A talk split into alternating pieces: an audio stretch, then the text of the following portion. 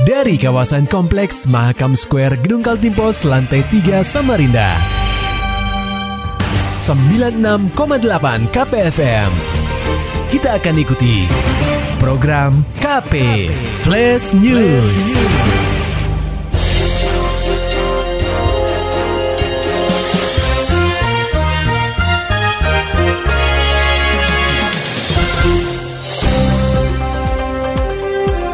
Pendengar KP, kasus COVID-19 meroket usai libur tahun baru.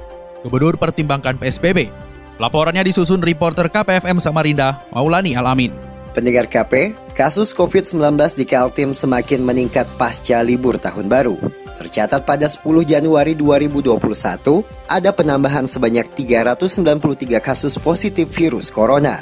Sehingga total kumulatif COVID-19 di provinsi ini mencapai 30.511 kasus pada periode yang sama. Jumlah pasien COVID-19 yang dinyatakan sembuh ada 25.016 kasus. Sementara pasien yang meninggal akibat virus yang pertama kali muncul di Wuhan, Tiongkok ini menyentuh 808 kasus. Menurut Gubernur Kaltim Isra Nur, meroketnya kasus COVID-19 di benua etam memicu wacana pembatasan sosial berskala besar atau PSBB. Orang nomor satu di benua etam itu menjelaskan, sebelum mengajukan PSBB ke pemerintah pusat, pihaknya telah melakukan evaluasi terkait kondisi pandemi COVID-19 di Kaltim. Itulah yang jadi persoalan kita sekarang ini, membengkak kemarin menjadi 500 ribu. Dan itu nanti menjadi bahan pertimbangan apakah Kalimantan Timur juga akan ikut dengan daerah lain yang ditetapkan oleh pemerintah pusat untuk menerapkan PSBB yang diperketat. Kita evaluasi satu dua hari ini mengenai uh, status. Diinformasikan untuk mengajukan PSBB di daerah, ada sejumlah persyaratan yang harus dipenuhi, seperti dokumen peta penyebaran COVID-19 di daerah dan data epidemiologi. Kemudian data kesiapan fasilitas kesehatan hingga jaminan ketersediaan kebutuhan hidup dasar bagi masyarakat menjadi syarat mutlak. Diketahui pula, pemerintah pada pekan ini sudah menegaskan soal PSBB ketat yang memiliki istilah baru pemberlakuan pembatasan kegiatan masyarakat atau PPKM. Ini berlaku mulai 11 hingga 25 Januari 2021 di daerah Pulau Jawa dan Bali. KPFM Samarinda, Maulani Al-Amin melaporkan. Berita selanjutnya, pendengar KP Kantor Perwakilan Bank Indonesia, Provinsi Kaltim terus berupaya agar perekonomian benua etam membaik. Salah satunya menjaga daya beli masyarakat dengan menekan inflasi.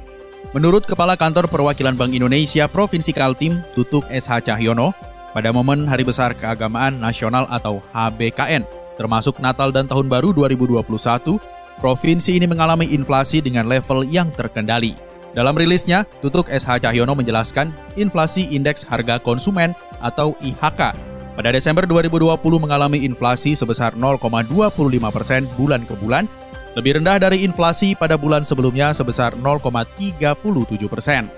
Kendati demikian, di periode yang sama terjadi peningkatan harga seiring aktivitas ekonomi dan mobilitas masyarakat pada momen HKBN, yakni inflasi yang dialami cabai rawit sebesar 3,18 persen, ayam ras 5,51 persen, cabai merah 20,64 persen, dan udang basah 3,18 persen. Kepala Kantor Perwakilan Bank Indonesia Provinsi Kaltim Tutuk SH Cahyono menegaskan, koordinasi dengan pemerintah daerah dalam hal ini tim pengendalian inflasi daerah atau TPID terus dilakukan, seperti menggelar pasar tani di kota Samarinda. Pendengar KP, tim SAR gabungan berhasil menemukan jasad remaja 13 tahun bernama Aldivin Syahreza yang dilaporkan hilang tenggelam di perairan Sungai Karangmumus. Laporan selengkapnya akan disampaikan oleh reporter KPFM Samarinda, Muhammad Nur Fajar. Pendengar KP, proses pencarian remaja 13 tahun bernama Aldivin Sahreja yang dilaporkan tenggelam di perairan Sungai Karangmumus atau SKM akhirnya membuahkan hasil pada Senin 11 Januari 2021.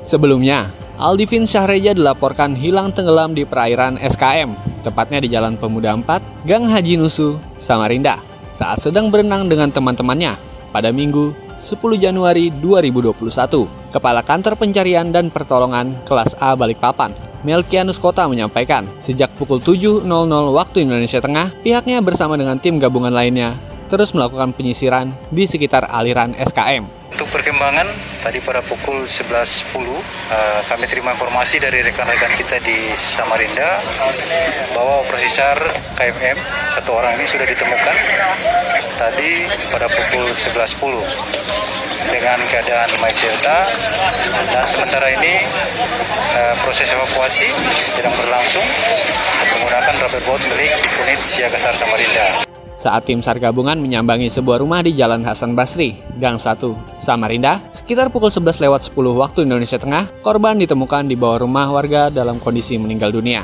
Tanpa menunggu waktu lama, jasad korban langsung dibawa ke Taman Cerdas bersama jajaran Inafis Polresta Samarinda dan PMI Kota Samarinda untuk selanjutnya dievakuasi ke RSUD Awe Syahrani. Untuk lokasi penemuan kurang lebih jarak sekitar 3 km dari LKP. Untuk itu pelaksanaan operasi SAR terhadap KMM satu orang di uh, Sungai Mus, ya Karang Mumus dinyatakan selesai dan diusulkan untuk ditutup kepada seluruh unsur SAR yang terlibat. Kami atas nama pimpinan Kepala Badan Nasional Pencarian dan Pertolongan mengucapkan terima kasih atas kerjasama yang baik yang sudah dibina ini. Setelah proses pencarian berhasil dilakukan, tim SAR gabungan lalu kembali ke posko pemantauan. Operasi SAR pun telah ditutup, serta unsur gabungan dikembalikan ke satuannya masing-masing. KPFM Samarinda, Muhammad Nur Fajar, melaporkan. Berita selanjutnya pendengar KPFM tak mendapat restu dari orang tua kekasihnya. Seorang pria berinisial MAN terpaksa harus mendekam di rumah tahanan negara atau rutan Polresta Samarinda sejak Senin 4 Januari 2021. Hal ini terjadi setelah Man menghamili kekasihnya yang masih berusia 16 tahun. Kanit PPA Satreskrim Polresta Samarinda, Ibtu Teguh Wibowo menerangkan kasus ini bermula saat orang tua korban merasa khawatir bahwa anaknya tak kunjung pulang ke rumah selama beberapa hari. Jadi kasus persetubuhan terhadap anak ini kita tangani berdasarkan laporan dari korban yaitu orang tua korban eh, pada hari uh, tanggal 4 Januari 2021 ya.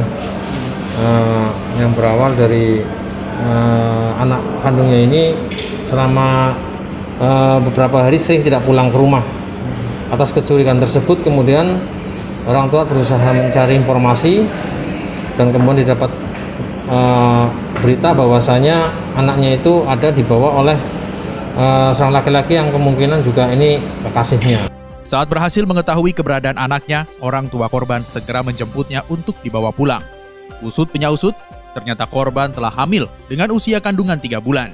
Teguh menyebutkan, oleh sebab itu orang tua korban segera melaporkan pria berinisial MAN ke unit PPA Satreskrim Polresta Samarinda.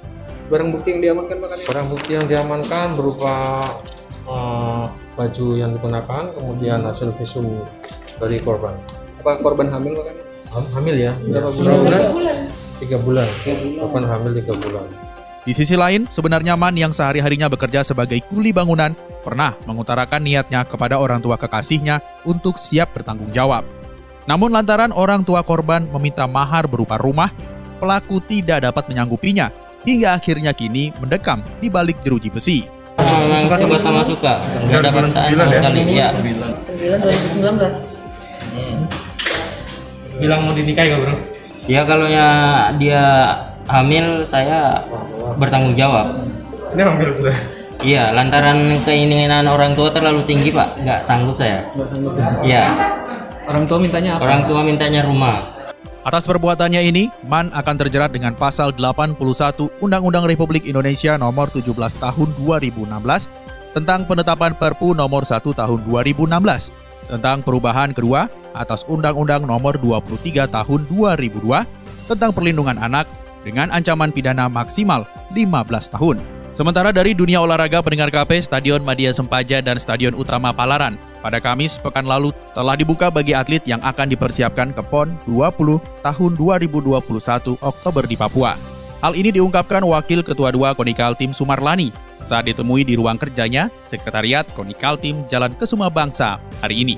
Sumarlani mengatakan ini menindaklanjuti arahan dari Wakil Gubernur Kaltim Hadi Mulyadi perihal pembukaan dua stadion di kota tepian. Kita KONI akan memberikan apa namanya kesempatan untuk para cabur yang masuk PC mandiri dan uh, persiapan PON yang mendapatkan rekomendasi saja Wakil Ketua 2 Konikal Tim Sumarlani menegaskan hanya cabang olahraga yang masuk TC desentralisasi persiapan KEPON Papua yang mendapat rekomendasi latihan di venue tersebut.